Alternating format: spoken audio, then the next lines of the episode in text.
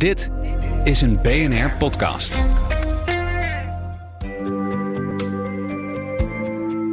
Wetenschap in het kort met Carlijn Meinders. Als je een blauwe bes perst, dan krijg je geen sap van dezelfde blauwe kleur.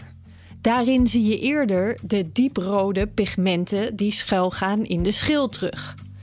Dat moet betekenen, dachten onderzoekers, dat de kleur die wij zien ergens anders vandaan komt. Wat is hier aan de hand? Na zorgvuldig onderzoek blijkt nu dat de kleur afkomstig is van de structuur in het waxlaagje op de schil. De manier waarop de kristallen in dat buitenste laagje zijn opgebouwd, zorgt ervoor dat het licht dat op de bessen valt zo wordt weerkaatst dat wij en sommige andere dieren het zien als blauw.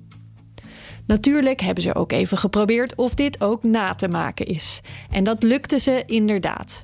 In het lab creëerden ze een coating van de wax die ze hadden geoogst.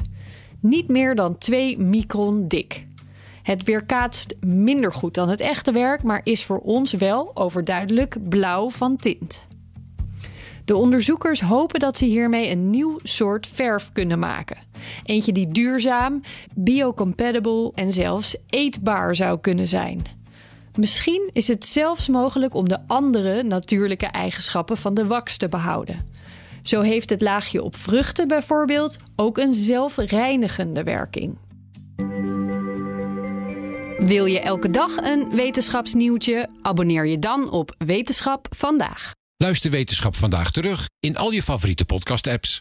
Daden zijn duurzamer dan woorden. Bij PwC geloven we dat de uitdagingen van de toekomst vragen om een ander perspectief. Door deze uitdagingen van alle kanten te bekijken, komen we samen tot duurzame oplossingen. Zo zetten we duurzaamheidsambities om in acties die ertoe doen.